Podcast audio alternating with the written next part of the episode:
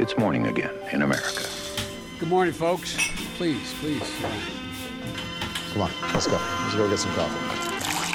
Thank you very much. Det er fredag 9. februar, og morgenkaffen fra amerikanskpolitikk.no er servert. Idet jeg tar opp det her tidlig fredag morgen, så stemmes det i Senatet, og det ser ut som de omsider kan komme til enighet. Men det er da først etter at det ble en midlertidig government shutdown, ettersom Rand Paul, senatoren fra Kentucky, ikke ønsket å stemme for denne budsjettpakken som vi omtalte i gårsdagens utgave av Morgenkaffen. Han argumenterte for at her er det en økning av den nasjonale gjelda, som han og mange replikanere tidligere har gått til valg på for å unngå. Eh, han trakk fram at det er en stor pakke som han har hatt veldig kort tid på å gå gjennom.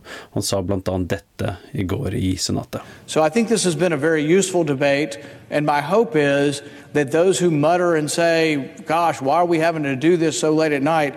will say, Why do we do it at all this way? And why can't next year we do it in a better way? Or why can't we begin to do the process of actually sending bills through committee and debating them in a, in a normal fashion?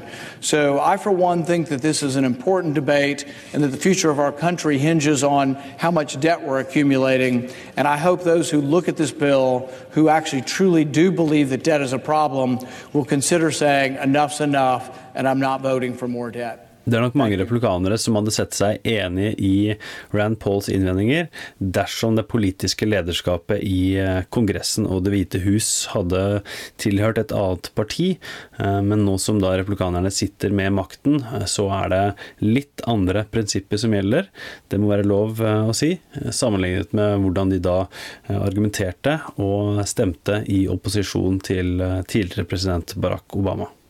Det ser altså ut som at dette blir en meget kortvarig shutdown. Senator John Thune, replikaner fra South Dakota, oppsummerer det her som uh, mye bortkasta tid for alle parter, det som skjedde i Senatet.